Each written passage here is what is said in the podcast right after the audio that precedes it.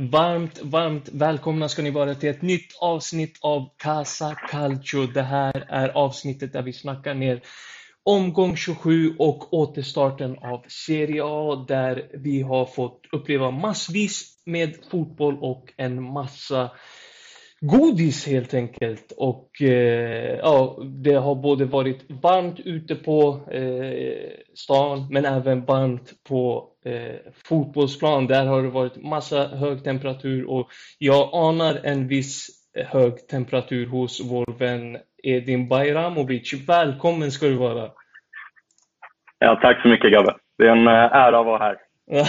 Hur är läget? Jo, men det var fint. Ett otroligt varmt och svettigt eh, Stockholm idag. Mm. Så man sitter ju och tappar ungefär en liter svett i minuten här. Men i övrigt så tror jag det går ganska bra. Ja, det har varit enormt varmt. Men man ska inte klaga de här tiderna. Du ska ju bara njuta av Nej, det, det som är. Ja, det är sant. Kom... Mycket sant.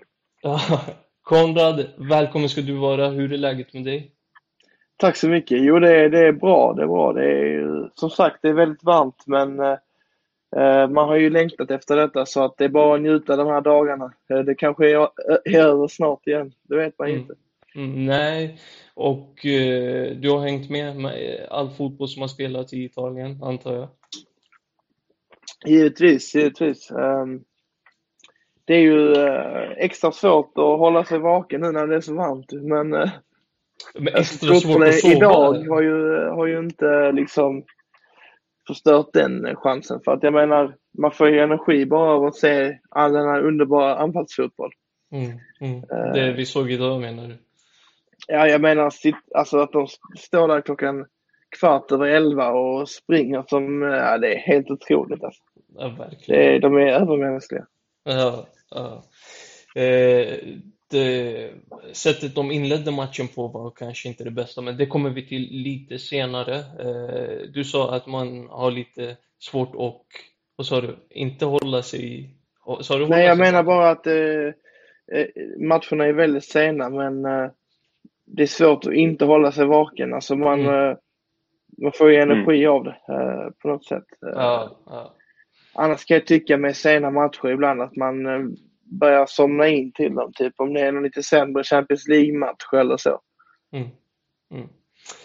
Eh, det har spelats eh, hängmatcher, det har spelats matcher i omgång 27 och vi ska tåga in i omgång 28. Det har hänt en massa och vi hade två fina eh, hängmatcher i lördags som sagt. Torino, Udinese och Hellas mot Cagliari va? Eh, om vi börjar med första matchen där eh, i lördags.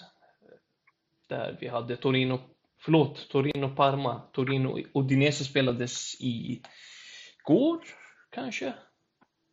Stämmer. Stämmer va? Mm. Eh, börja, Torino-Parma, eh, Edin. Eh, såg du den matchen till att börja med? Nej, jag såg faktiskt inte den matchen. Jag var fast ute på fästingbussen. Eh, så den har jag faktiskt inte så mycket på. Mm. Konrad, eh, lyckades du se den? Jag, eh, jag han ser glimtar av den matchen och jag kan, mm. jag kan väl säga att alltså, anledningen till att man, den största anledningen till att man överhuvudtaget kollar på Parma i år är väl att de spelar en rätt så anfallsglad fotboll, att det är ett intressant lag, många intressanta spelare, men att i synnerhet finns en svensk i laget, eh, Dejan Kulusevski. Han gjorde inte den bästa matchen, enligt eh, tyckarna, experterna. Jag tycker att man kunde se fina tendenser i hans spel. Jag tyckte att, eh, jag vet inte, jag, vissa gånger tyckte jag om det jag såg. Uh, han har ju en enorm kapacitet så. Eh, sen är det inte alltid lätt att få ut allt i ett sånt lag heller. Det, det kommer bli kul att se honom i ett starkare Juventus då. Konrad, såg du den matchen? Eh, eh jag såg eh, det mesta av matchen. Det var ju en ganska tråkig match där eh, Torino, eh, det de är duktiga på det är ju att när de väl spelar bra, det är att de eh, eh kan anpassa tempot i matchen och eh, de har ett ganska långsamt lag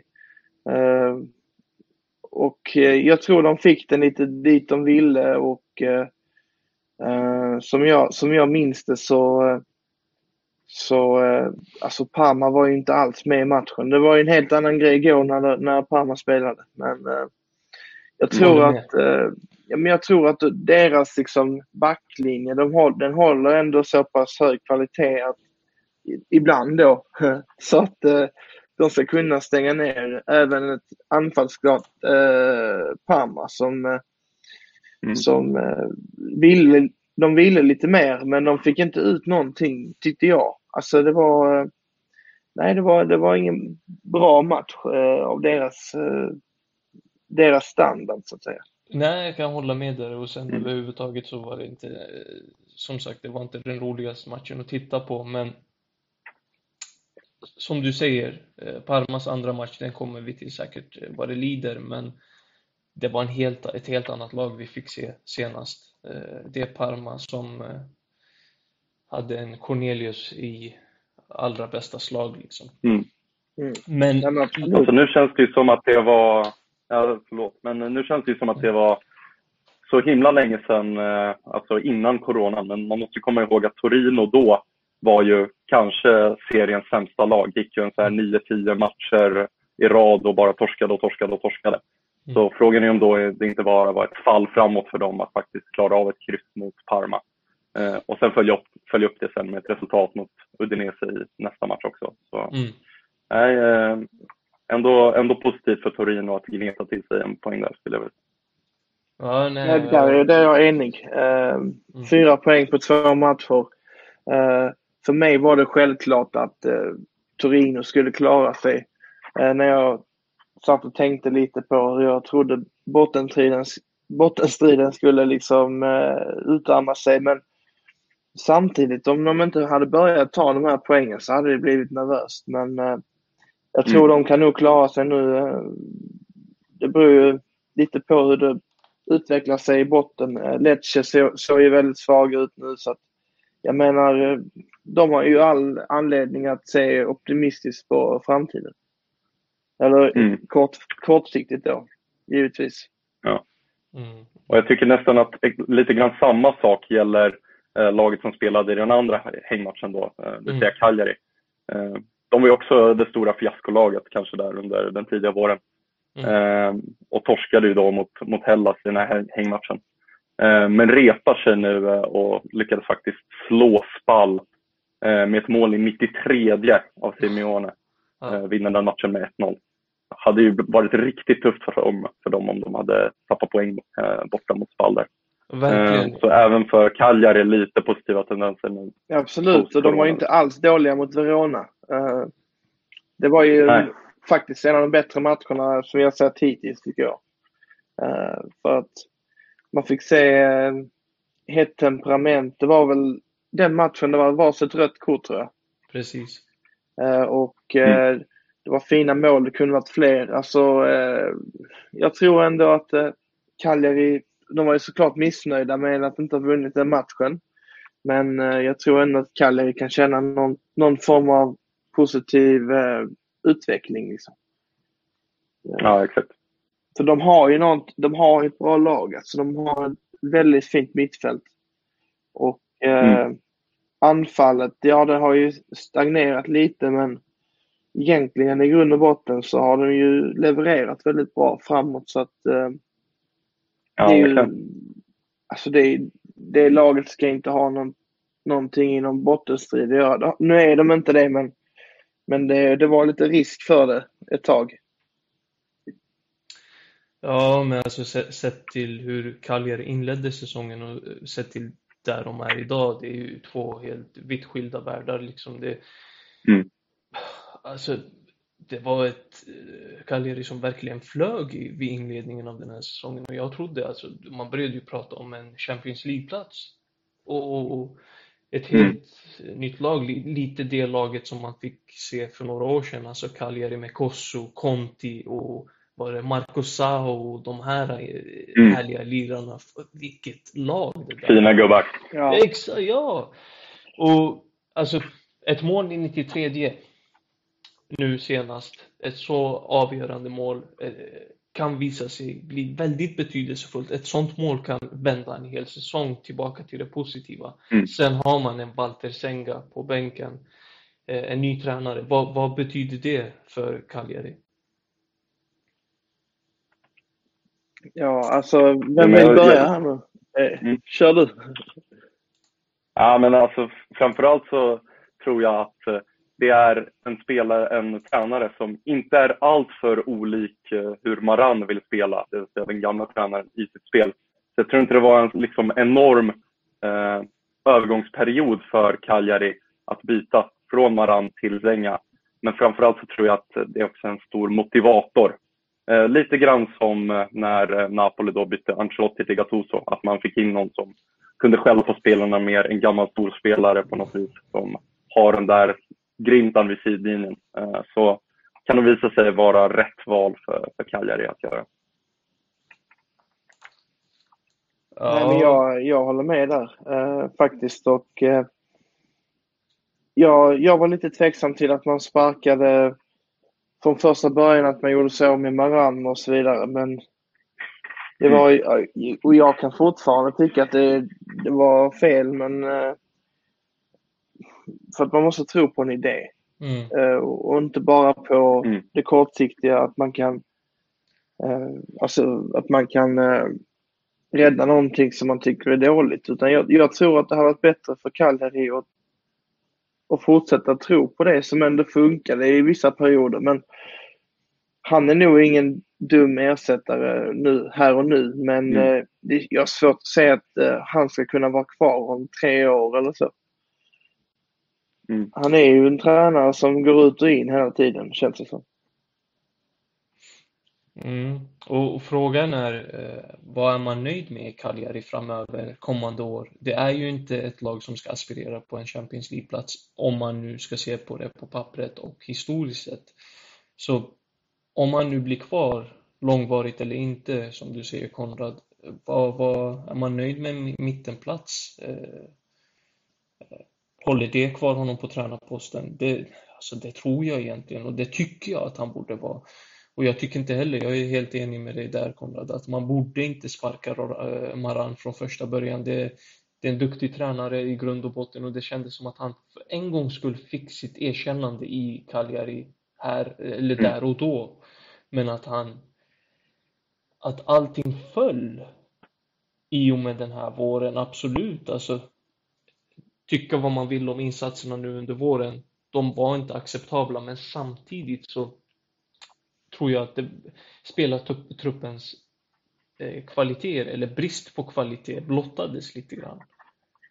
Så egentligen så tror jag inte det beror på, så, beror på honom alls överhuvudtaget egentligen. Så, mm. ja. Men vi hade hängmatcher i söndags också va? Eh, Atalanta Sassuolo. Eh, och det var ett Atalanta som sannerligen flög i söndags.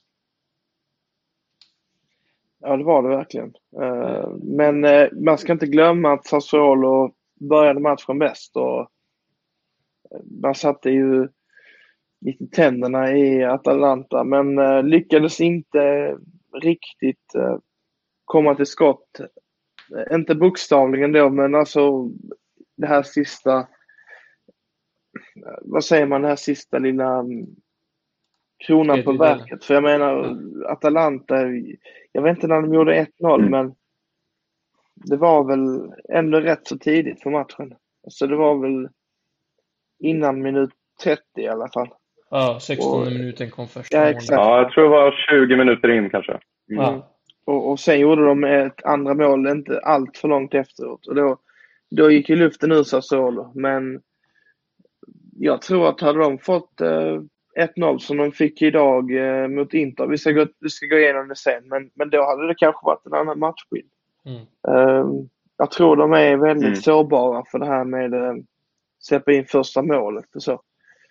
Eh, det känns i alla ja, fall så. Det, det, finns många matcher där man har inlett bra och sen så har man förlorat. Eh, och det har varit så tidigare också, det är inte bara mm. i år. Är det någonting Nej. som De Serbi måste slipa på där, tänker ni? jag menar, det är ett lag, alltså han, han gör ju väldigt mycket väldigt bra, men eh, det känns som att det fattas någonting. Jag, jag kan inte låta bli att imponeras av hans jobb i Sassuolo. Visst, vi har en del eh, vassa spelare och så mm. också, men jag, jag väljer att tro på att det är han som ligger bakom det mesta och att han är hjärnan bakom verket liksom. Men samtidigt känns, känns det som att det fattas någonting i hans antingen ledarskap eller tränarskap och jag tror snarare att det är tränarskapet. Att han inte riktigt mm. är där än. Nej, det är, det är mycket möjligt, eh, men han är en svårbedömd uh, tränare tycker jag. Mm. För att han får inte riktigt, uh, mm. Eller i alla fall utifrån det han har fått göra hittills, för att han har inte fått någon uh, jättestark trupp eller så, utan det har varit uh, Nej. Statsråd, men tar du bort den offensiva kraften så är det inte så jättemycket som jag skulle vilja se i ett topplag. Liksom. Mm. Uh, så då, då, då menar jag att uh, det är svårt att bedöma honom som tränare ännu tror jag. Alltså, när det gäller lämpligheten mm. att träna ett uh, randigt lag eller Lazio, Roma, vad som helst. Liksom. Napoli ja. måste jag säga det också. men, nej men då, ja. han, tror han skulle kunna ja, men, passa där. Liksom.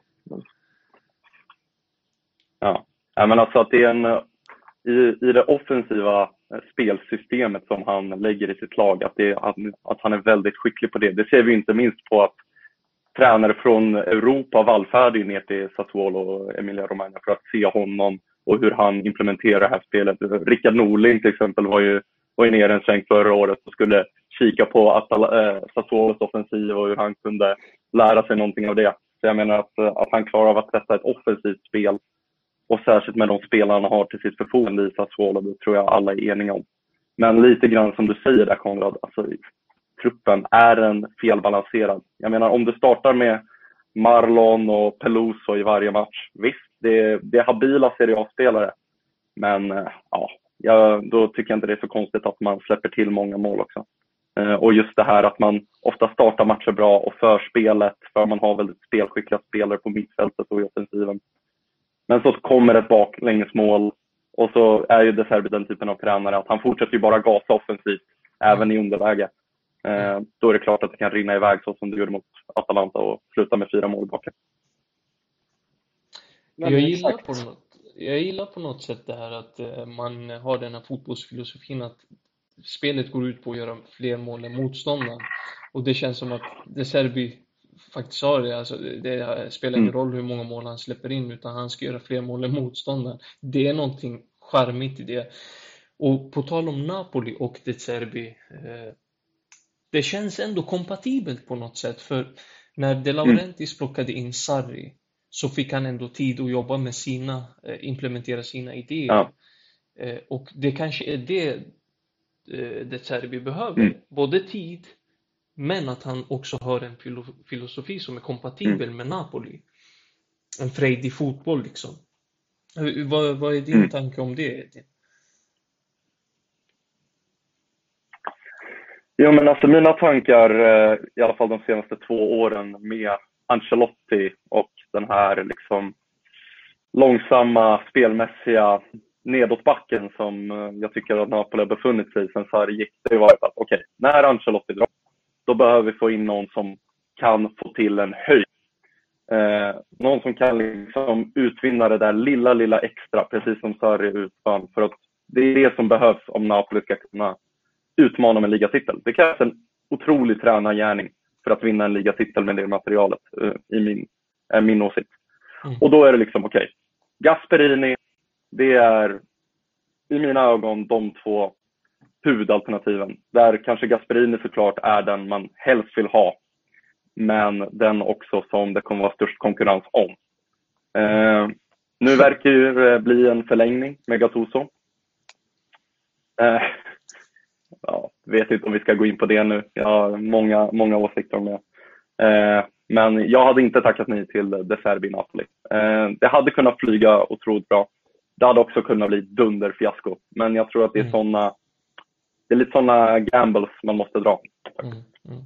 men vi vet ändå om att uh, det kommer sluta med att det blir Mourinho. Så att uh, det, det är vi glada för. just det. Just det. Uh, nej, det känns inte omöjligt men uh, alltså jag tycker, om jag får lägga nej, till också, jag, jag tycker det är... Det är första gången jag hör det, men det... Det, det känns så fel. Nej, men ja. alltså jag, jag, har en känsla av att han... Eh... Ja, men det hade ju varit en riktig De Laurentiis Ja, eller hur? Ja, exakt. Det är lite Hollywood. Lite... Lite... Jag vet inte, men det är någonting i, i mitt huvud som jag har tänkt på det rätt så länge. Att det, det, det kommer hända någon gång. Mm. Uh, om inte där så kommer han hamna typ i Roma kanske, som inte har, har någon kompass överhuvudtaget, verkar det som. Men, Men för all del, Edin, snälla, du nämnde Gattuso och att du helst inte vill gå in på det.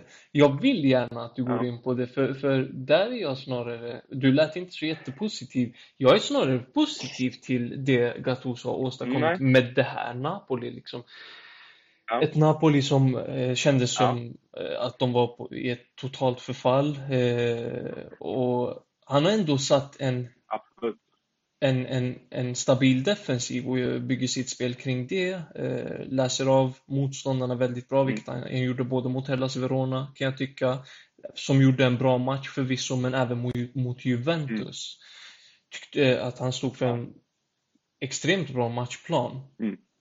Visst, det, det, kanske inte är det här eh, som vi var inne på, den här mm. frejdiga fotbollen som Napoli vill spela. Men det är en vinnande fotboll, ett vinnande mm. koncept. Eh, ja. Mm. Ja, absolut. Eh, det har varit lite så här att eh, nu har det ju liksom varit så att man har, jag tror att vi alla som supportrar har både den här lite emotionella gubben på axeln och den här mm. lite rationella gubben på andra axeln när vi ska titta på vårt eget supporterskap. Mm. och den rationella supporten i mig tittar Napoli och säger det här är maxutfallet. Det som vi ser nu, det är maxutfallet. Det kommer inte bli så mycket bättre än det här. Eh, för att eh, ja, han har satt en stabil defensiv eh, och han har lyckats förena gruppen på ett sätt som jag inte har sett. Jag har inte sett Napoli så enade på, på mycket, mycket länge. Eh, och framförallt att göra det så snabbt efter den avgrund som klubben befann sig i för bara några månader sedan är otroligt imponerande. Mm.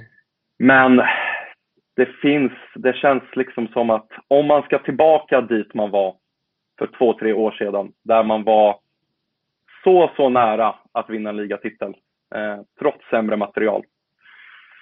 Är verkligen Gattuso rätt eh, man för att göra det? Jag är osäker på det. Och då ska man också veta att det är lättare att acceptera att en ligatitel inte vinns om spelet ser väldigt bra ut. Eh, och jag tycker inte att spelet ser eh, väldigt bra ut under Gattuso. Det blir lite grann det här som vi pratade om förut med eh, långsiktiga och kortsiktiga lösningar. Eh, jag tror att Gattuso är en perfekt kortsiktig, kortsiktig lösning för Napoli. Men eh, jag kan inte se att han om tre år har gjort klubben bättre. Eh, det är väl ungefär där jag ligger. Och samtidigt, på min andra axel, så har jag en emotionell supporter som ser liksom, ja, Gattuso, Grinta, syditalienare. Mm. Eh, liksom enar hela truppen, vinner kupptitel, hissas av eh, spelarna. Och liksom... Eh, eh det blir en sån eh, intern strid med mig själv där.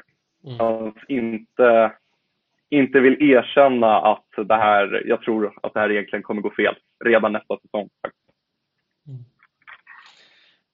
Det finns eh, definitivt någonting charmigt i och med Gattuso, alltså i Gattuso som tränare, men även som person. Det är så mycket känslor som man eh, lätt rycks med i.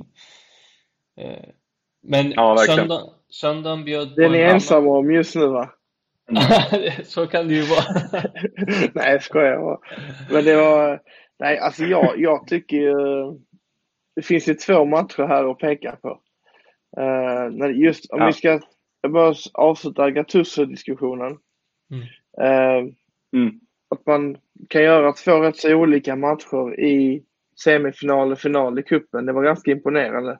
Mm. Att man eh, i en match eh, är mer försvarade, i en annan match eh, tog initiativet och försökte eh, lösa upp knutar. Det var imponerande och eh, det säger ändå någonting om taktisk Mm. flexibilitet som både spelartruppen och eh, han själv besitter uppenbarligen.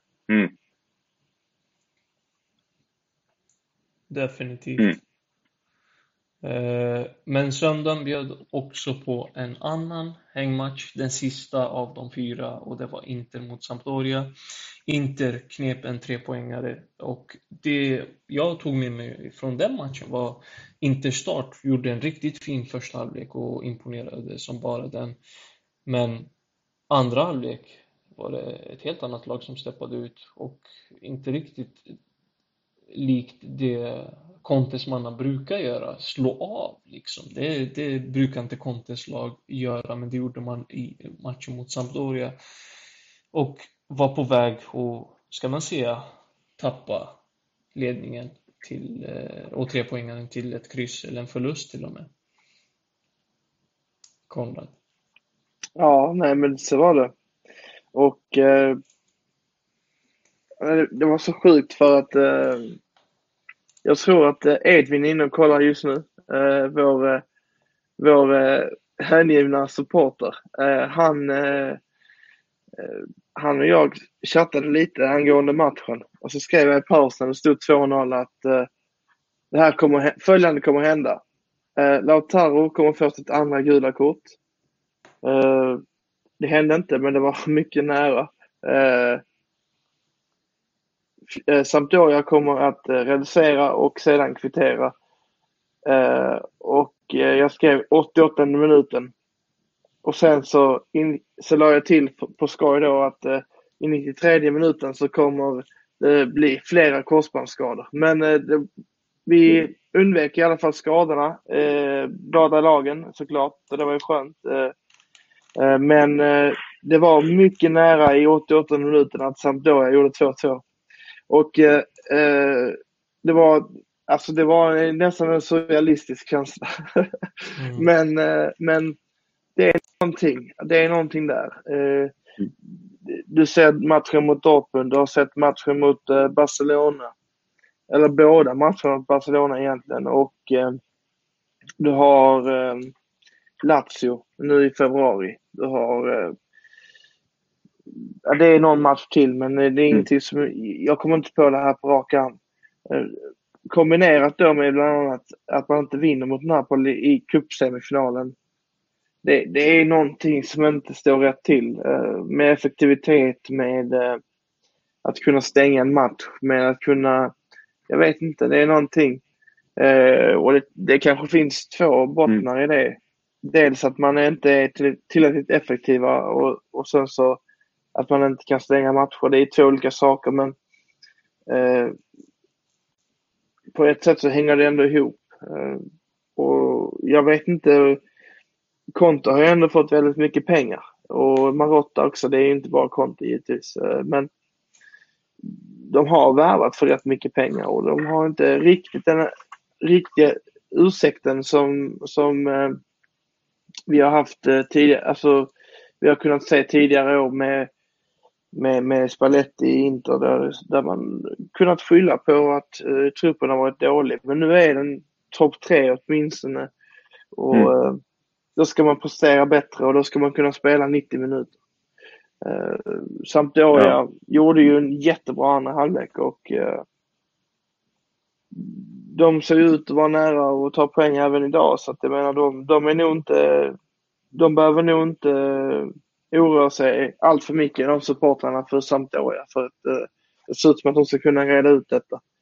Eh, men det är klart, två tunga förluster Mm. i rad här nu så vi vet inte men det finns någonting där i alla fall.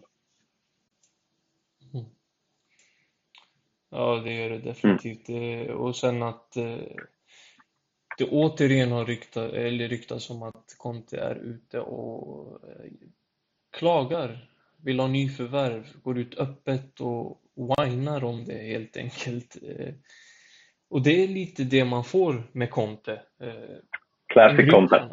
Ja, eh, en grym tränare. Eh, en grym motivator. Bra på väldigt mycket. Men värvar man in Conte som tränare, tar in honom på eh, ett långsiktigt projekt, så är det sånt här man får räkna med. Tyvärr.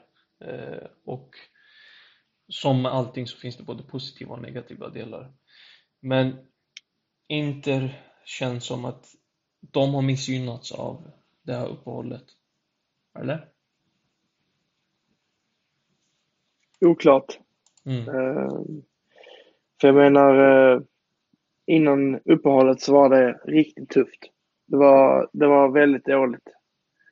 Uh, det var någon seger där och här och där, men det var dålig fotboll och eh, allting egentligen försvann ehm, ur lagets grepp och eh, man kan ju peka på olika orsaker men det har ju någonting med mentaliteten att göra och eh, den mentala höjden och att kunna hålla sig där. Det, det verkar som att både Lazio och Atalanta, Juventus är bättre på det till exempel. Och, eh, jag vet inte, det, det, det har varit eh, en speciell säsong av vinter, väldigt speciell på alla sätt och eh, det ser ut att sluta med mm. tråkigt, på ett tråkigt sätt. Eh, och jag menar, nu ryktas det om att Tonali ska komma till Inter och eh, Nangolan kommer tillbaka. Men de, de två kommer inte vinna ligan åt Inter. Det måste ju till någonting annat. Jag vet inte. Eh, det är jättebra spelare men det finns någonting. Men vad, vad är det du tycker saknas då, Konrad? Eh.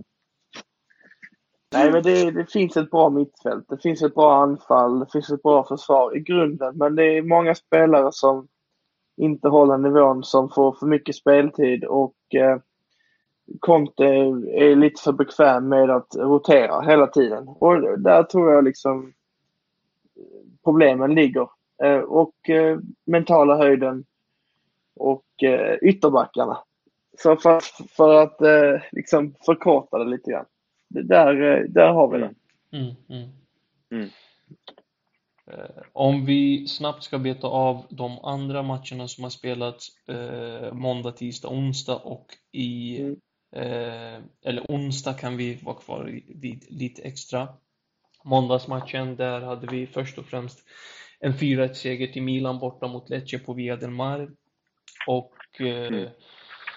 Ett Milan som såg lite mer avslappnat ut än vanligt. Ett Milan som eh, fick till spelet på ett helt annat sätt. Eh, kändes som att spelare mer eller mindre hittade sina styrkor eh, för första gången. Typ Chalanolus högerfot. Känns som att den har varit som bortblåst hela säsongen eller hela hans tid i Milan helt enkelt. Och att han för en gångs skull, för första gången, återfann den. Eh, en fin seger eh, för Milan. Lecce hade inte mycket att säga till om egentligen. Jag vet inte, har ni något mer att lägga till där? Nej, det var, det var en bra match av Milan. Eh, Nej, jag... På start. Mm. Nej, men du kan, du kan uh, säga, för att jag såg inte hela matchen, ska jag säga. Ja, det, Ja, det, det, är lite det är så två sekunders delay, så vi, vi pratar in i varandra. Det är okay. Nej, men jag, jag tänkte bara säga, jag, jag, jag drar inga allt för stora växlar av, av en seger borta mot Lecce. Eh, faktiskt. Eh, jag, jag aktar mig för, från att liksom hissa det här alldeles för högt med tanke på motståndet. Men mm. skönt för Milan att eh, få inleda Serie A, åter, återvändandet med, med en så pass viktig seger. Det måste kännas skönt.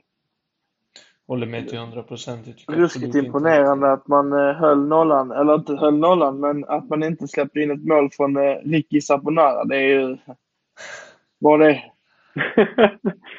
ja, verkligen. ex Det är rätt så många som har lyckats med denna säsongen dock, men ja. ja.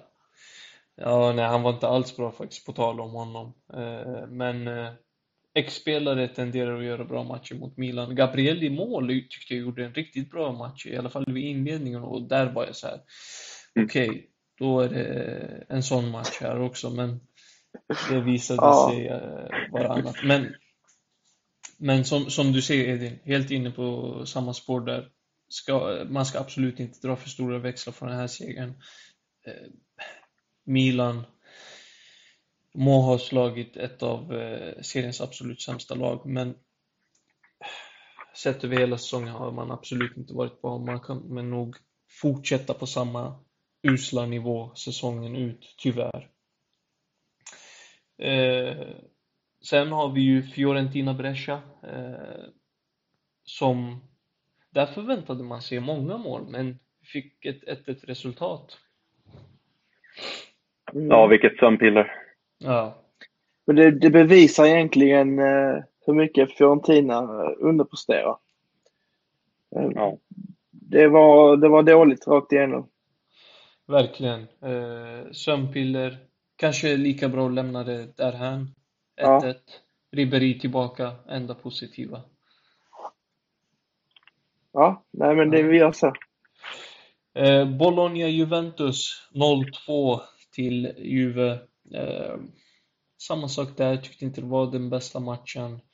En Mattias Svanberg mm. som fick 56 minuter, hade hoppats på lite mer. Tyckte att han hade fina, visade fina, eh, fina tendenser, fin genombrottskraft, explosivitet. Men det fattas fortfarande någonting och det känns som att det är lite i sista tredjedelen eller det sista, den sista biten i hans spel. Han har en fin energi, en fin genombrottskraft som sagt, men slutprodukten eh, saknas. Men det är svårt mot Juventus också. Eh, det måste man ju ha klart för sig, men Juventus eh, gör faktiskt en bra match. Jag, jag tycker att eh, den såg jag faktiskt eh, i sin helhet. Jag skulle säga att Juventus har gjort så, eller har ju vunnit så många matcher där de inte har imponerat överhuvudtaget. Mm. Det har varit mm. dödstråkigt och eh, idag, eller idag var det inte utan det var i, i måndags, så länge så var det. Mm. Eh, så, så kände jag ju att det var ju fortfarande en ganska tråkig match egentligen. Men man såg ändå mer eh, mönster i anfallsspelet. Och det var underkant tyckte jag, 2-0 alltså. Mm, mm. Eh, men eh, jag tror ändå Juventus har börjat känna vittring nu när eh, och nu när Lazio förlorar ikväll så, så, så tror jag de känner nog att det är guldläge här nu. Mm. Mm. Ja. Edin, har du, har du någon mer tanke om den matchen? Ja, nej men eh, det känns bara så himla typiskt att Juventus trots eh, tränarbyte och sportchefsbyte och dippan och datten ändå har kvar det här i sig att eh, efter mm. en insats som inte var särskilt imponerande, det vill säga cupfinal mot Napoli, att då kunna följa upp det med att städa av ett lite sämre lag. Mm.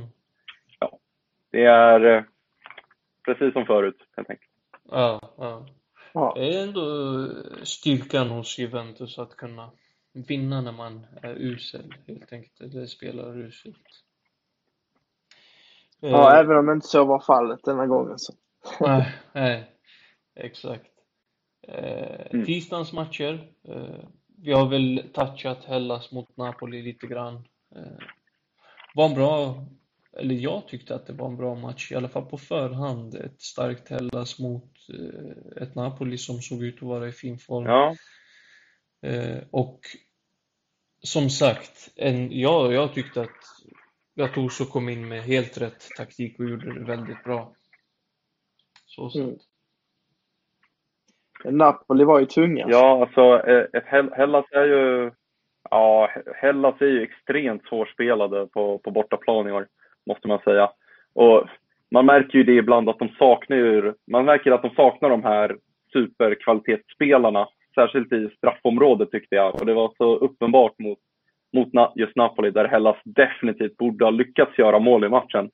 Och egentligen kanske chansmässigt förtjänade ett kryss. Och så uh, vinner Napoli med 2-0 ändå. Uh, så ja, Hellas förtjänar mer kanske egentligen än att uh, torska med 2-0. Mm, mm. Mm. Ja, sen som sagt, vi har varit inne på Cagliari som har gjort det lite bättre. Eh, vann i 93 minuten eller vad det var mot Spal. Spal tyckte jag öppnade helt okej. Okay. Eh, och jag tyckte att de kändes som det bättre laget. Hade inte den som min primära match, utan jag hade den på en lite mindre skärm och så. Spal gjorde en helt okej okay insats så sett. Eh, men Cagliari drog det längsta strået och kammade hem en superviktig trepoängare. Mm. Nej, men det, det, den matchen visade ju att eh, Spall inte är, eh, de är, de är... De har en dålig trupp, de är, de är inte usla. Eh, dock så räcker det inte till för att man ska vara seriallag nästa säsong och eh, det var tydligt hela, hela året. Mm. Jag tror mm. att eh, det är nog ingen som är jätteöverraskad. Nej, nej. Uh, Genoa-Parma. Den har vi också touchat lite grann och det är lite lätt hänt när man pratar upp lite äldre matcher. Så Andreas Cornelius. Ja, ja herregud. Vad, är det med vad, vad håller dansken på med? ja. ja, jag, jag bara ler. Alltså, det, det är en helt otrolig spelare och han är i en kalasform just nu. Gör han, gör han något mål mot några andra lag än Genoa? Det känns som. jag har faktiskt inte tänkt på det. Visst är det så att han... Han har en bra säsong. Han bombade ja. väl in ett hattrick i höstas då också? Ja, det, mm. du har nog rätt där alltså. Det är möjligt, men han har, han har ju ändå 10-11 mål och sånt. Så att han, ja. det, ja. han har gjort en bra säsong. Det har ja. Definitivt. Eh, Supersub eller inte, tyckte att han gjorde en riktigt bra match där. Eh, mm. Så mm. Parma såg mycket bättre ut än vad de gjorde i första matchen efter uppehållet i hängmatchen. Eh, spelade en roligare fotboll och det man har vant sig vid eh, gällande Parma under den här säsongen. Det var mer likt dem så att säga. Absolut, Men, och Dejan var väldigt bra också. Tycker jag. Det tycker jag också. Mm. Håller med. Sen hade vi Torino och Udinese och den har vi väl varit inne på tillräckligt för att beta av den. Eh, 1-0 Torin, eh, Torino och inte mer än så egentligen. Dagens matcher, onsdag. Vi börjar väl med Inter Sassuolo, 3-3 rött kort Inter också. Eh, du, med, även om det var i slutminuterna, det innebär en avstängning kommande match. Fyll i, fyll gärna i Konrad. Ja, det var... Eh, det var frustrerande för båda lagen kan jag tänka mig. Att... Eh, Sassuolo är nog ganska nöjda med en poäng givetvis, men det var ju en match där inget av lagen fick upp det man ville. Alltså, eh, jag menar Sassuolo hade ju, de hade kunnat leda med 2-0 i paus. Men det stod väl 2-1 mm. när man blåste av. Så att, eh, till Inter då, mm. Eh, ska tilläggas. Och eh, i andra halvlek så var det tvärtom att det var mirakel, eller egentligen inte mirakel, men det var, det var lite chockerande att det blev oavgjort för att Inter hade tagit över och, och, och så. Men eh, det, det är någonting där. Det är, jag vet inte om jag var inne och touchade på det innan, jag är osäker, men Inter har nu eh, förlorat en match, eh, eller vunnit en match på San Siro mot eh, Sassuolo. Annars har man ju förlorat eller kryssat.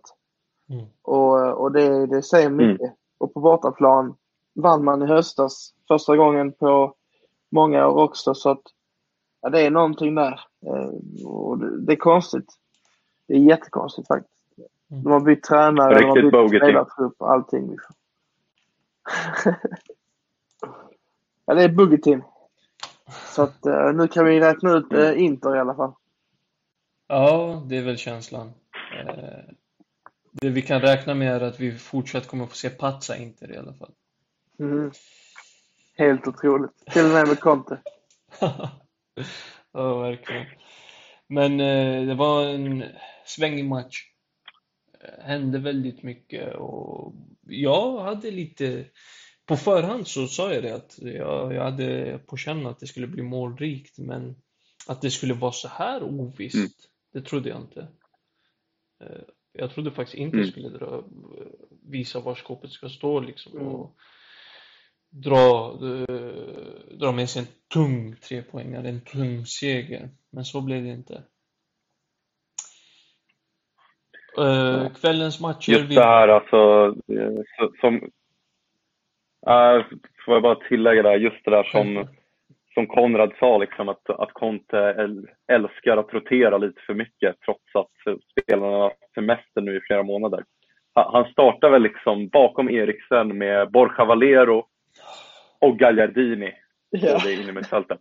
Och att, att och göra det när du har liksom Barella och Birago Moses. Och mm. att göra det när du har de spelare du har till ditt förfogande. Alltså, eh, hur tänker gubben? Eh, jag fattar inte hur man tänker när man gör det. Det är faktiskt helt otroligt. Nu gör visserligen Borja Valero ett mål. Men mm. nej, nej. Det, det, håller inte för Inter 2020 i min bok. Ja. Nej, det, Godin är bakom Ranocchia uppenbarligen. Det är helt obegripligt det också. Så att, eh. ja. det, det, är också en sån grej som man får lite grann med Conte. Det är att han roterar och gör väldigt eh, konstiga spelarval. Minns att Giaccherini var hans favorit i Juventus och det ser väl sitt, även om han presterade helt okej. Okay. Mm. Eh, så ja, om vi går vidare och eh, har Roma Samp lite snabbt. Såg ni någonting av den matchen? Jag såg lite grann. Eh, jag såg Jekos mål. Andra skärm. Mm. Ja, det, det, har jag missat faktiskt. Det, det, är väl så man kan summera den matchen? Nej, riktigt, riktigt fina kassar av min namn där. Ja, ja. ja exakt. Jag, jag gillar honom väldigt mycket och eh, tyvärr så såg jag ju bara en del av den första halvleken. Och eh, där och då såg ju Sampdoria ganska bra ut men återigen tung förlust för Sampdoria kanske och eh, tappa i slutet. Precis som eh, man förlorade mot Inter fast på ett annat sätt då ju. Men eh, de får ändå ta med sig att de har stått upp bra mot topplag. Eh, faktiskt. Mm. Uh, nej, uh, jag summerar den matchen som du säger Edin. Du såg målen och det räcker med att säga Edin Dzeko. Alltså, mm. wow. Wow, det osar klass ja. om den klättrar ju, nu upp, klättrar ju nu upp som Romas femte bästa målskytt genom tiderna, mm. tror jag. Eh, vilket säger ju ändå ganska mycket om hur mycket han har betytt för den klubben sen han kom in eh, bär binden sen Rossi lämnat. Och att det fortfarande finns, eh, eller att det känns som att det finns Roma-fans som fortfarande inte uppskattar honom. Mm. Eh, nu visserligen jag partisk som bosnier, eh, men ah, vilken forward det är. Helt otroligt. Nej, jag håller med dig. Det är snarare så att han är underskattad om, underskattad om du frågar mig. För alltså. Han besitter en sån enorm kapacitet. Det är som att han vet var bollen ska dimpa ner utan, alltså ögon i nacken. Det var så två gånger om i den här matchen. På ett tillslag slår han in bollen eh, med ryggen mot den. Liksom. Det är helt otroligt vilka avslut han får till. Och mm. sen måste man ändå tillägga också Pellegrinis passning första. Helt magiskt. Ja. Eh, också kvällens eh, riktiga godbit då, Atalanta-Lazio. Vi visste väl att vi skulle få se på mål i den här matchen. Och det fick vi väl minst sagt.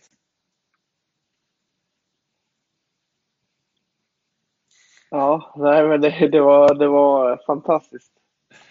Eh, på alla sätt. Milinkovic Savic och eh, Malinovski, vilka mittfältare. Mm. Vilka mål!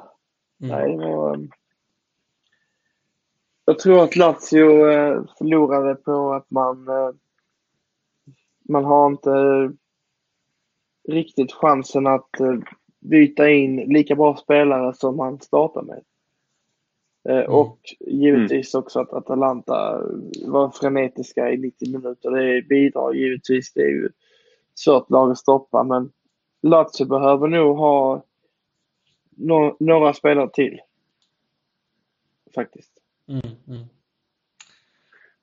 Visst känns det ganska konstigt att Atalanta sitter på vad som måste vara en bättre bänk än Lazio. För om, alltså, Lazio byter in Felipe Caicedo. Visserligen en bra spelare, eh, särskilt i det system som Inzaghi vill implementera. Medan Atalanta då i underläge slänger in Josip Ilicic, Castagne, Luis Muriel. Jag menar, det här är spelare som skulle starta för nästan vilket Serie A-lag som helst. Mm. Eh, jag tycker det är helt fantastiskt att, att Atalanta har lyckats besitta den truppen de besitter.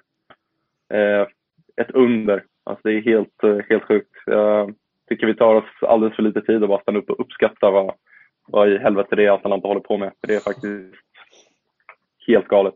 Mm, mm. Men då väljer jag att vända mig lite mot det där. Du säger att de byter in, mm. ja men eh, vem är det, Luis Muriel, de byter in Ilicic, de byter in ja. eh, Kastan. Det är spelare som har gjort det riktigt bra i Atalanta i år, men är det inte så att de har gjort det riktigt bra under Gasperini? Och skulle de prestera lika bra i ett annat seriallag? Absolut, absolut. Och det är det där som är den stora frågan. Eh, och eh, lite grann som har kommit upp även med andra spelare som kommit fram under Gasperini. För jag menar, Atalanta sålde Caldara till exempel. Flög ju inte alls eh, sen i, Milan. Mm. Eh, sålde Gagliardini, har inte alls flugit till Inter. Så frågan är väl egentligen om någon av de här spelarna kan vara lika bra någon annanstans eh, mm. som de är i Atalanta just nu. Eh, jag skulle nästan säga att nej, nej på den frågan. Eh, mm. Det är verkligen en otrolig tränargärning också. Det finns eh, två spelare som jag tror skulle kunna göra succé i andra, i andra lag och det är mm. Duvan Zapata som jag tror skulle kunna spela i ett topplag. Och sen finns det Gossens eller Gosens, alla säger olika saker hela tiden. Men mm. Eh, han han eh, tror jag skulle kunna spela bra i ett eh, Premier League-lag. Jag tror han kommer hamna där till slut. men annars så tror jag liksom som du säger, eller som ni säger, jag menar Ilicic, om han hade gått till Barcelona, han hade inte gjort någon succé där, tror inte jag. Eller om eh, Gomes i Barcelona eller om vi bortser från åldern nu, för det är ganska orealistiskt kanske, men, men om vi skulle ge dem, eh, att säga att de var 25, jag hade ändå inte sett dem riktigt så här i, i, i Barcelona. Eh, men, men, men ändå i Atalanta så är de ännu bättre än vad Zapata är, eller vad eh, Gåsen säger man får nu få jämföra dem. Men eh, men det, mm. det är ju som du säger, det är någonting med systemet som eh, passar dem väl och eh, det kan vara svårt att bryta den, eh, bryta den, eh, vad heter det? Jag vet inte vad jag letar efter för ord, men eh, bryta linjerna och hitta nya för dem liksom. Mm. På den nivån. Mm. Eh, men jag kan ha fel. Nej, jag tror nog eh, jag är inne på samma spår där. All cred till Gasp egentligen. Gasperini har gjort det riktigt bra jag tycker det är synd att han inte har fått eh, en större, ett större tränaruppdrag förutom det Inter och att det floppade och blev som det blev. Men just i den här matchen tycker jag att han ska ha lite, både en, lite ris och lite ros också. Eh, ris för hur han startade matchen kändes väldigt naivt kom in med en inställning där han mm. trodde att han skulle kunna ligga väldigt högt med backlinjen och straffades omgående. 12 minuter in i matchen och vi har 2-0 till Lazio. Så blir det. Högt upp med backlinjen, naivt, eh, pressa mm. framåt. Absolut, han tror på sin spelidé, men eh, Lazio har också en spelidé som eh, är sylvass, speciellt i kontringarna och där hade Inzaghi synat honom. Men sen efter halvtidspausen så kändes det som att det var tvärtom. Eh, Inzaghi lämnade över taktpinnen till Atalanta, mm. eh, övertaget och blev lite väl naiv i det. Och Gasperini å sin sida, han utnyttjade läget och gjorde det bästa av situationen. Blev, var inte lika naiv i eh, hur han ställde upp med laget och kändes som att det var ett mer välbalanserat eh, Atalanta. Men sen i synnerhet så var det ett Atalanta som var fysiskt överlägsna på alla plan. Mm. Så, ja. Um, men ja, blir... verkligen, verkligen en match med, med två halvlekar som du säger. Där den första svänger väldigt mycket och i den andra så sjunker ju Lati så, så himla lågt. Mm. Och körs ju över i stort sett i andra halvlek. Mm. Uh, men mm. ja, välförtjänt seger säger jag, Atalanta, om man ser över hur det utvecklades senare. Mm. Nej men jag håller med Edvin. Eh, Edvin jag, med. jag håller med där. Eh, kändes som att eh, Nej, nej, det var, de arbetade sig in i matchen och gjorde det de skulle göra. Liksom. Så, två, vi fick se på riktigt fina fotbollsmål också, det tackar man inte nej till.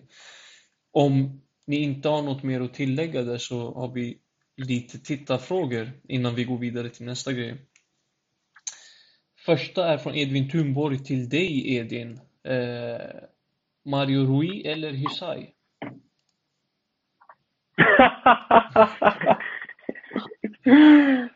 Åh, oh, oh, gud. Det är ju som att...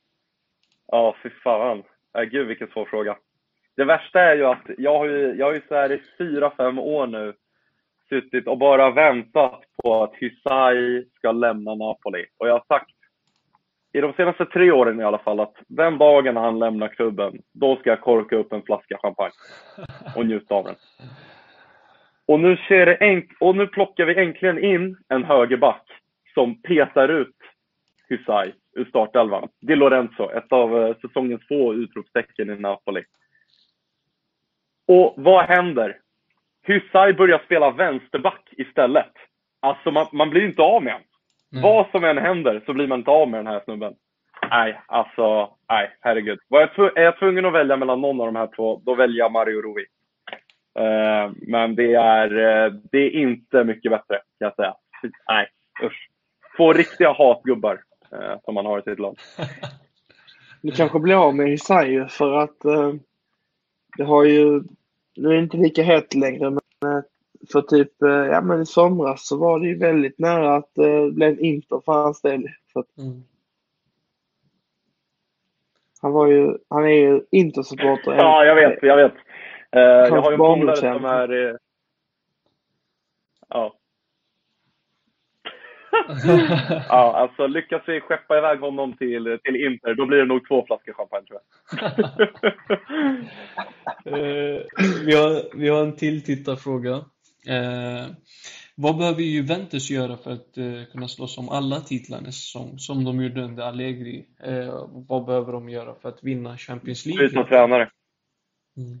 Ja, de behöver göra mycket, tycker jag. Alltså, tränare, eh, tre nya mittfältare egentligen.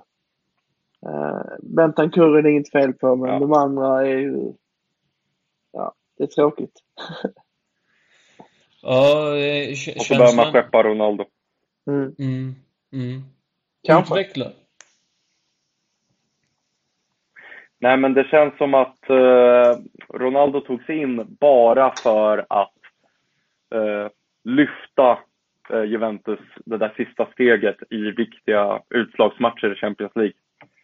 Uh, och visst, man fick utväxling på det under hans första säsong där han till exempel slog ut Atletico Madrid på helt egen hand. Men å andra sidan, han är vadå 34, 35 år gammal nu. 35, ja. Man ser att det inte alls är samma spelare som för fyra år sedan. Uh, så jag tycker, man sitter ju på en hur ska man säga, en asset. En, eh, man, man sitter liksom med ett kort på handen där som bara blir sämre och sämre och sämre för varje säsong. Och att göra sig av med det kortet kommer bli svårare och svårare och svårare också för varje säsong som går.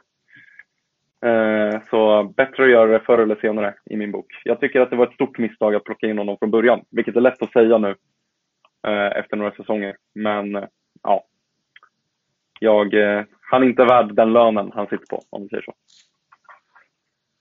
Nej, och jag är beredd att hålla med där. Sett till prestationen så är han absolut inte värd den lönen han sitter på.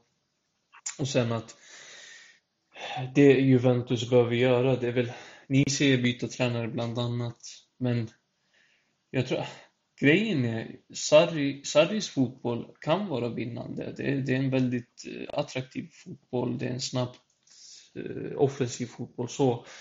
Eh, men det känns inte så som att det är Juventus, inte dagens Juventus, inte sättet truppen är uppbyggd på just nu. Och jag håller med dig till fullo där Konrad om mittfältet. Väldigt stora brister. Och det Samtidigt så offensivt var de där en Ronaldo som inte presterar i dagsläget och en Dybala som bara gör det. Eh, Iguain kan man inte uttala sig om nu eh, innan man får se honom efter uppehållet. Men ja, det, det är stora frågetecken kring eh, Juventus. I första hand så behöver de nya mittfältare och sen kan man ta det, ta det därifrån, tror jag. Nej, precis. Så jag tror att eh, mm en grej som eh, det har jag ju tänkt ut eh, inte är helt orealistiskt. Eh, det är nämligen att de eh, plockar både Simone Inzaghi och eh, Milinkovic Savic från Lazio. Det skulle mm. kunna hända om de nu vill visa allvar. Mm. Eh, för att det är väl det som kan göra dem till favoriter nästa år. Annars så ser inte jag dem som favorit i titeln. Så att eh, ja, det, det ska till mycket och det ska bli spännande att se om de kan göra någonting nu i sommar men eh, efter säsongen. Eh, för att nu är vi nog överens om att de har väldigt goda möjligheter att vinna ligan. Det är liksom fyra poäng, väl, eller fem kanske det är. Fyra tror jag det. Fyra. Och man har egentligen bara två tuffa matcher kvar mot Atalanta och mot eh, Lazio. Och allt kan hända men eh, jag tror inte de... Jag tror inte de förlorar båda de två och jag tror inte att Lazio vinner alla matcher som är kvar. Nej. Så att... Eh, nej, det är... De vinner säkert ligan i år men jag tror ju inte att de kommer sparka Sarri. Uh, jag tror att de, den sportsliga ledningen saknar någon form av mm. kompetens. Mm. Det känns så i alla fall. Det är mycket pengar på struntspelare senaste året. Inte Ronaldo då, för jag tycker ändå att eh, så här, ja, jag förstår den värvningen. Liksom. Mm. Men om man får chansen så tar man ju den. Men eh, mycket annat mm. som inte stämmer. Inte alls. Ja. Uh, Nej, men det, ja, det finns mycket som stämmer i det du säger och de är väl på väg att göra en bra affär nu beroende på hur det blir med Pjanic och Artur i Barcelona. Eh, säger vi att eh, de får, säljer Pjanic för 70 miljoner euro precis som det ryktas och tar in Artur för 80 miljoner euro så är det ju en kanondeal liksom. Alltså, eh, vad, vadå? 10, då blir det 10 miljoner euro för Artur och Pjanic för mig är inte en spelare som ska ta Juventus till nya höjder utan tar man in Artur och bygger spelet kring honom som Sarri eh, uppenbarligen vill göra precis som han gjorde med Jorginho i Chelsea kan ta dem väldigt långt. Eh, för det känns som att det är en sån spelare som fattas i Juventus, som fattas i Sarris lagbygge. Absolut, men de skulle kunna ta både Artur och eh, eh, Jorginho så, så hade de haft ett fantastiskt mittfält. Men eh, jag tror att de... Eh, jag tror det kommer... Artur kanske händer, men jag tror inte de eh, kommer kunna värva så mycket mer sen. Nej. Och eh, ja, mm. jag vet inte. Det, det känns som att de har, de har gått minus i, i värvnings... Eh, alltså att de har spenderat mer än vad de har sålt för hur många år som helst. Mm. Och eh, någon gång måste det ta slut. Ja. Eh, om vi går vidare till nästa fråga. Är Duvan Zapata eh, en av de mest underskattade anfallarna? Frågar Barre Barre. Och det var väl eh, ja. du lite inne på, eh, Konrad. Och det håller jag med om. Underskattad. Stor, stark, fysisk, eh, bra avslut och bra mm. funktionell teknik liksom. Ja, precis. Och, och för att säga en snabb sak bara. Jag såg honom mycket i... Nej, förlåt. Nej, jag tänkte bara säga att jag, jag, jag, tror att det som gör honom att han, kan, att han kan spela i ett annat lag, till skillnad från Ilicic eller någon annan, det är ju att han, eh, han är en enkel spelartyp som inte är så taktisk. Så att jag menar, han, han är mer eh, vilja, eh, styrka eh, och eh, anfallsvapen mer än eh, taktisk eh, geni. Mm. Därför tror jag att han kan spela vad som helst. Jag håller med. Mm. Inte något mer Nej, Det är faktiskt otroligt hur han har utvecklats som spelare. För, alltså han, han, när han först kom till Italien så var det ju Napoli. Eh, och där var han ju inte alls den spelare han är idag. Visserligen så snittade han väldigt mycket mål eh, på de få minuter han fick. Men det är verkligen otroligt hur han har lagt till sig med den här urkraften och genombrottsstyrkan eh, under sin tid i Atalanta. Så absolut eh, otroligt underskattad. Eh, en av de bästa forwardsen i Serie A. Mm. Ja, han är inte långt ifrån världstoppen heller. Just nu. Ja. Eh, nästa fråga. Vilka lag håller ni tre på? Milanista här. Napoli. Uh, Inter för min del, men uh, vi kan ju, alltså vi försöker ändå hålla det som att man inte behöver liksom låta det ta över. Nej. Självklart. Bara ibland. ja, nej, men det är okej, okay, men det är liksom, man får inte, man kan inte liksom eh, zona ut när det gäller andra lag bara för det. Liksom. Nej, självklart. Eh, och så ser jag bara, bara att det är kul att vi lyfter fram italiensk fotboll. Tycker den är väldigt underskattad här i Sverige. Håller med dig bara, bara. Eh, det är därför vi gör det här också. Eh, mycket för att vi älskar den italienska fotbollen men också för att vi tycker att den inte får tillräckligt... Eh, den får inte stå i rampljuset tillräckligt mycket, eller hur grabbar? Så är det.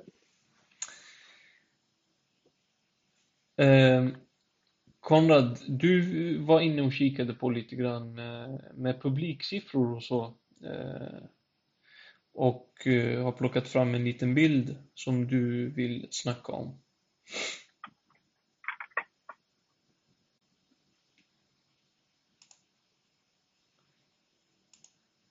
Ja.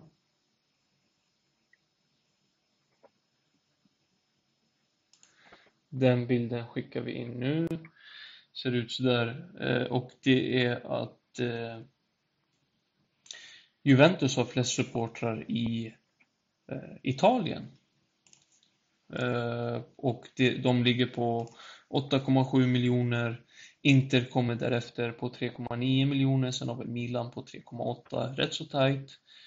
Napoli 2,7 och Roma 1,8. Det är topp 5 alltså spontant, Juventus har väl alltid varit störst i Italien supportermässigt så.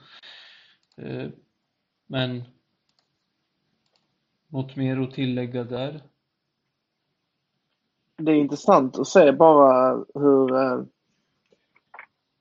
jag upplever ändå liksom att eh, Napoli har växt och, eller vuxit för att eh, barnspråkarna och eh, för att jag vet om att Napoli är den stora klubben i södra Italien, men jag vet också om att Milan och Inter och Juventus har ganska många fler titlar och så vidare och att eh, Napoli ändå är ganska nära Inter och Milan. Det, det, det var det jag tyckte var imponerande.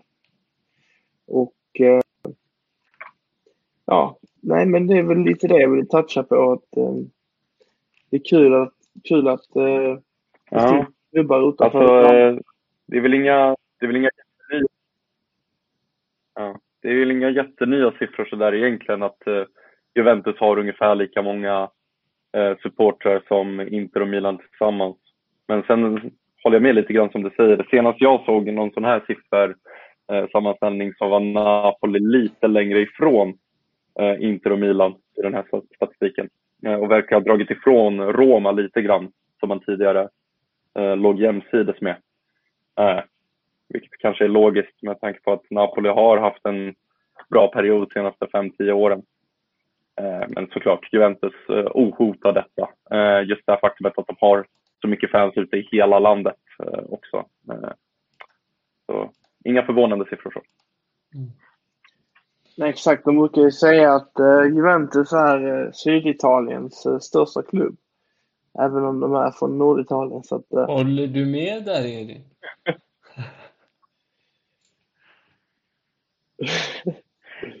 um, det, det, skulle faktiskt inte förvåna mig om det såg ut så. Nej, men uh, helt allvarligt så. Uh, för uh, jag tror att det fortfarande, man, eftersom det är ganska nordfokuserat i Italien generellt, så har man en väldigt lätt tendens, särskilt från Juventus håll, att säga bara ja, ah, men i Syditalien borde alla hålla på Napoli. Och att det då ska vara lite skamligt att Napoli inte är störst i Syditalien. Men jag menar, åker du till, äh, åker du till Kalabrien eller till Bari eller så, då, då hatar folk Napoli. Äh, liksom, det är den stora antagonisten för många av de mindre klubbarna i södra Italien. Så äh, egentligen I linje från att Juventus har många supportrar där. Mm. vad sa du?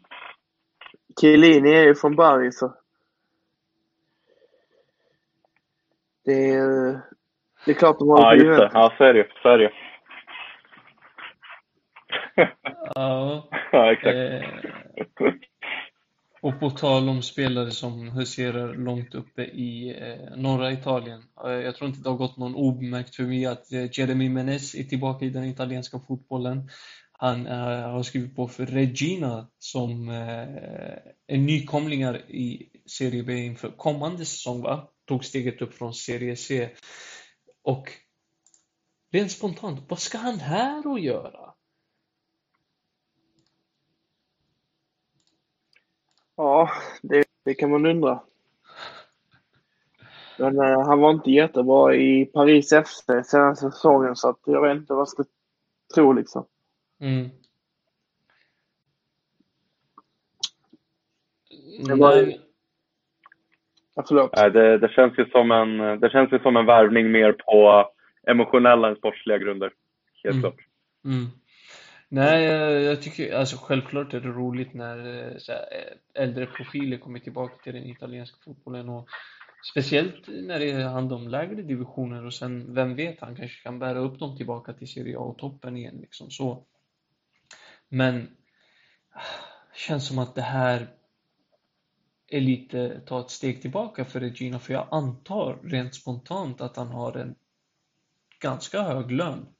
Och det här är ändå en klubb som har fallit tillbaka, konkat till och med va, och nu försöker ta steget tillbaka. Så ah, går att ifrågasätta det där kan jag tycka.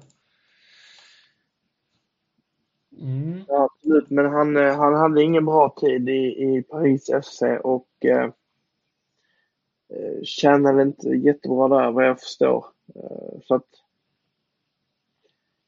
Nej. Jag tror att han, han jag vet inte, jag tror han, han är nog inte en stor belastning. Jag tror att han eh, gör nog mer detta för att det är roligt och försöker spela av sin karriär.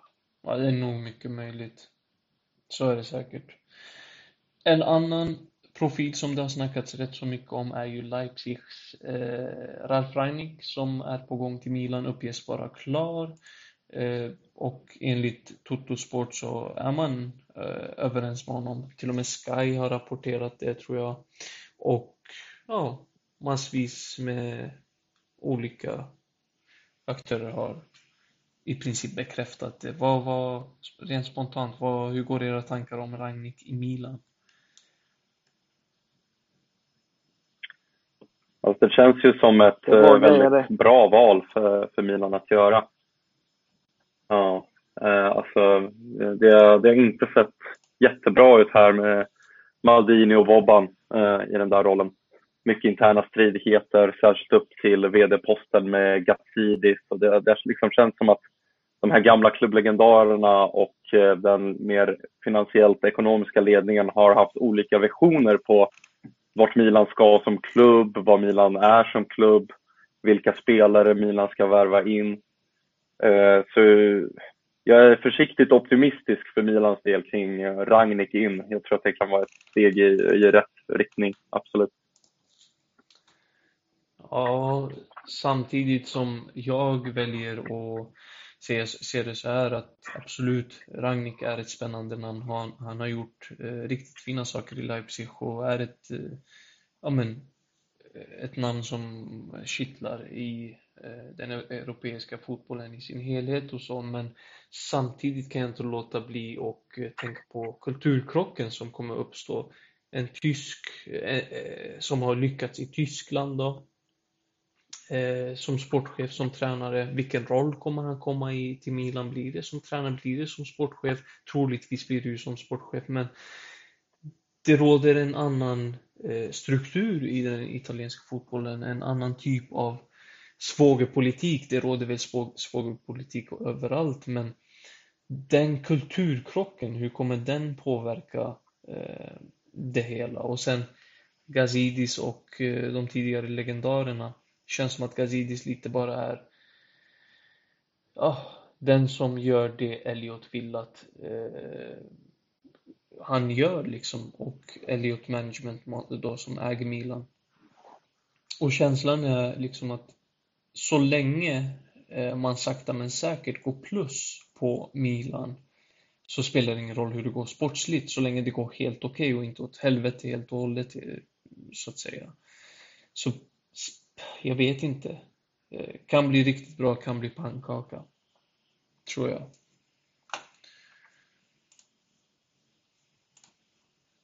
Mm. Sen eh, en annan grej som vi gärna diskuterar är målvaktsposten i Napoli, Edin. Två som presterar rätt så bra, va?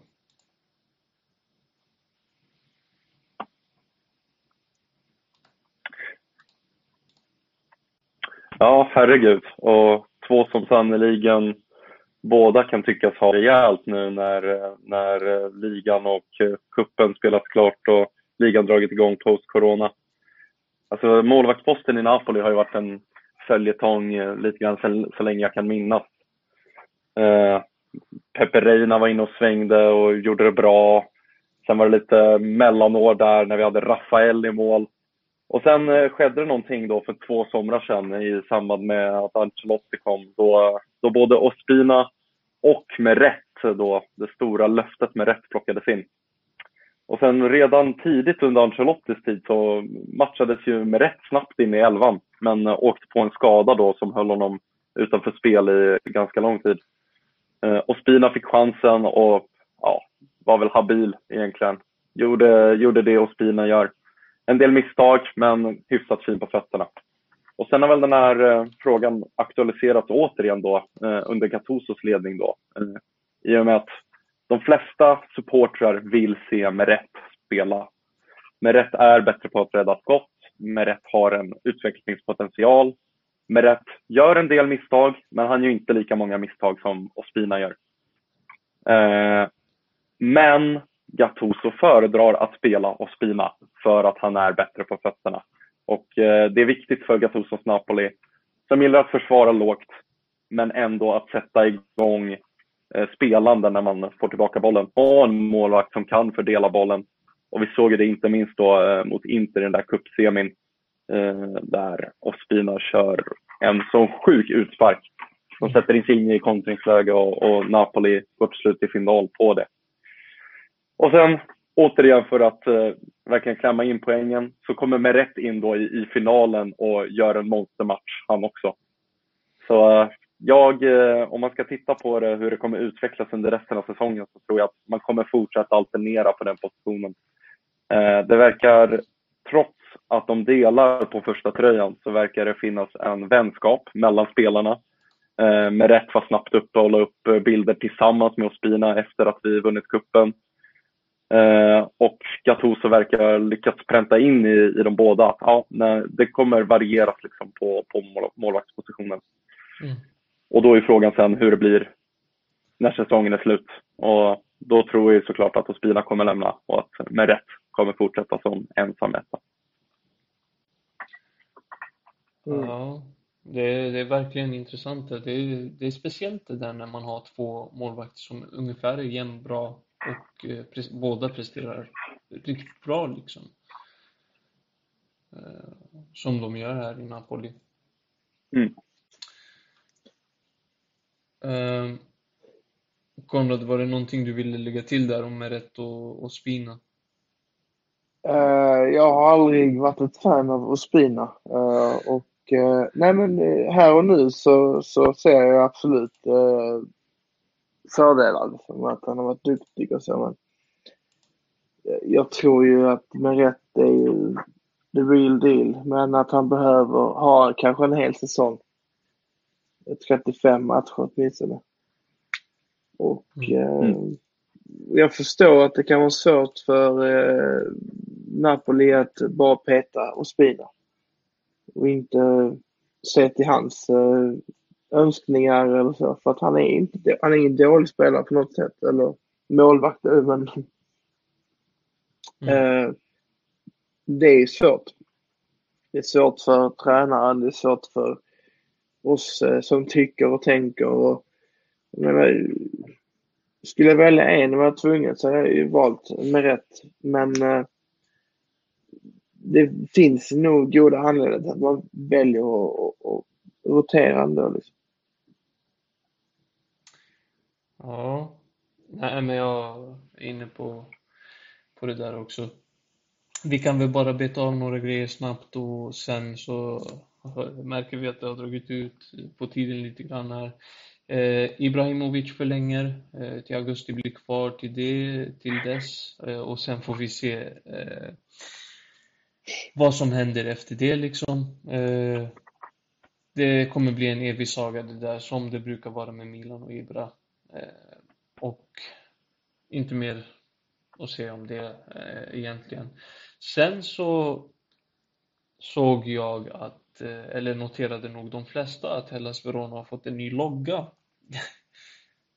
har ni sett hur, hur den ser ut? Ja, det var speciellt, om man säger så. ja, jag, jag satt i en diskussion med, med Johan Spistrup, eh, bas över Svenska fans eh, Italiens-sida om det här. Och mm. hängiven Hellas-supporter. Mm. Eh, när jag såg den första gången då tänkte jag bara, vad, vad fan är det här liksom? Eh, mm. Föreställer liksom ingenting, känns det som. Men eh, då var han snabbt ute och påpekade att eh, liksom Hellas supportrar generellt är väldigt positiva till den här förändringen. Eh, för att det faktiskt är en replika av en logga de haft tidigare i sin historia. Mm -hmm. eh, fan, jag, jag, undrar om den inte växer på mig lite grann för varje gång jag ser den. Eh, den här nya loggan. Ja, det gör den definitivt inte på mig kan jag säga. För jag har generellt sett väldigt svårt för så nya loggor och när man ska modernisera eh, sådana här grejer. Liksom. Men ah, det, det, vad, vad, är det för något? Är det två hundar? Är det två bulldogs eh, som tittar åt varsitt håll? Jag har ingen aning. Eh, något sånt är det. Ja, eh, men eh, det är ju speciellt eh, jag tror att de flesta skulle hålla med mig om att eh, det förra var snyggare. Men om man nu ser en symbolik i det och att hela supportrarna är nöjda så då, då tycker jag inte att jag har någon rätt att säga någonting. Liksom. Nej. Vi, har ju City-exemplet också att eh, Manchester City hade ju ett ganska snyggt eh, klubbmärke. Eh, tog in sitt lite äldre om jag inte minns fel. Och eh, jag tycker ju det är eh, fullpoängare, det som de har nu. Mm, och, och mm. eh, jag kanske är ensam om att tycka det, men, men eh, jag är inte alltid emot de här moderniseringarna så länge de är eh, okej okay och man får med några viktiga symboler och så. Eh, Inter har ju ändrat klubbmärke, mm. jag tror det var 14 gånger, 15 gånger. Mm. Eh, helt sjukt. Men eh, vissa har ju varit fullträffar. Mm. Jag tycker det beror lite på hur man eh, förhåller sig till historien och hur man förhåller sig till eh, klubbens supportrar. Gör inte en Leeds bara liksom. Eller Hull City. Följ inte. Nej, exakt. Uh, ja, och som avslut så tänker jag att vi skickar in, eller innan vi skickar in avslutet eh, så kan vi väl nämna det att vi har lagt upp en bild här på Youtube i sändningen där Johan Stystrup eh, tweetade. Inte mycket vackert med det här förutom en sak. Eh, Gazzetta dello Sport har redan börjat använda nya loggan. Mm. Så... Ja, ni ja. ser, han gillar den. Eh, sakta men säkert så sitter det där. Men som avslut, Ante Rebic och det han gjorde mot Lecce. Eh, gjorde ju mål. Eh, smög in den. Ja, och, och sättet han firade på, jag reagerade bara jag fattade ingenting, kramade Lecces bollkalle. Ja. och, och jag bara, vad, vad, vad hände där? Såg han fel? Eller sprang han fram till honom? Sen så visade det sig vara att han valde att gå fram till bollkallen och ge honom en kram för att han uppenbarligen såg att han var ledsen. Eller blev ledsen på grund av att Lecce precis hade släppt in ett mål såklart. Och det har han liksom fått en eloge för över sociala medier och Lecce har gått ut och tweetat och hyllat honom och det, det tyckte jag var en fin grej liksom. Fint gjort av Ante Rebic. Mer sånt. Nej, jag håller med. Då, då kan, vi, kan jag nämna en snabb, lite rolig grej också som hände samma kväll. Eller kvällen efter faktiskt. För att eh, hela Verona spelade med eh, målvaktströja med gamla loggan och ja. eh, ute, utekläderna med den nya loggan. Mm. Och det känns ju som att det är någonting som är väldigt Hellas med det. Jag vet ja, inte. verkligen. Verkligen. Uh, uh, mm.